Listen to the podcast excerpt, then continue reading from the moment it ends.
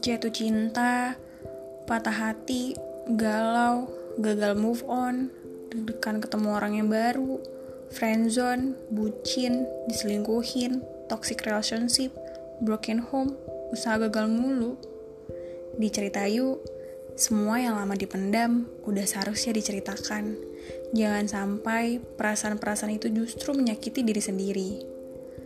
Podcast Cerita Yuk bakalan di-up seminggu sekali dengan tema yang berbeda setiap minggunya.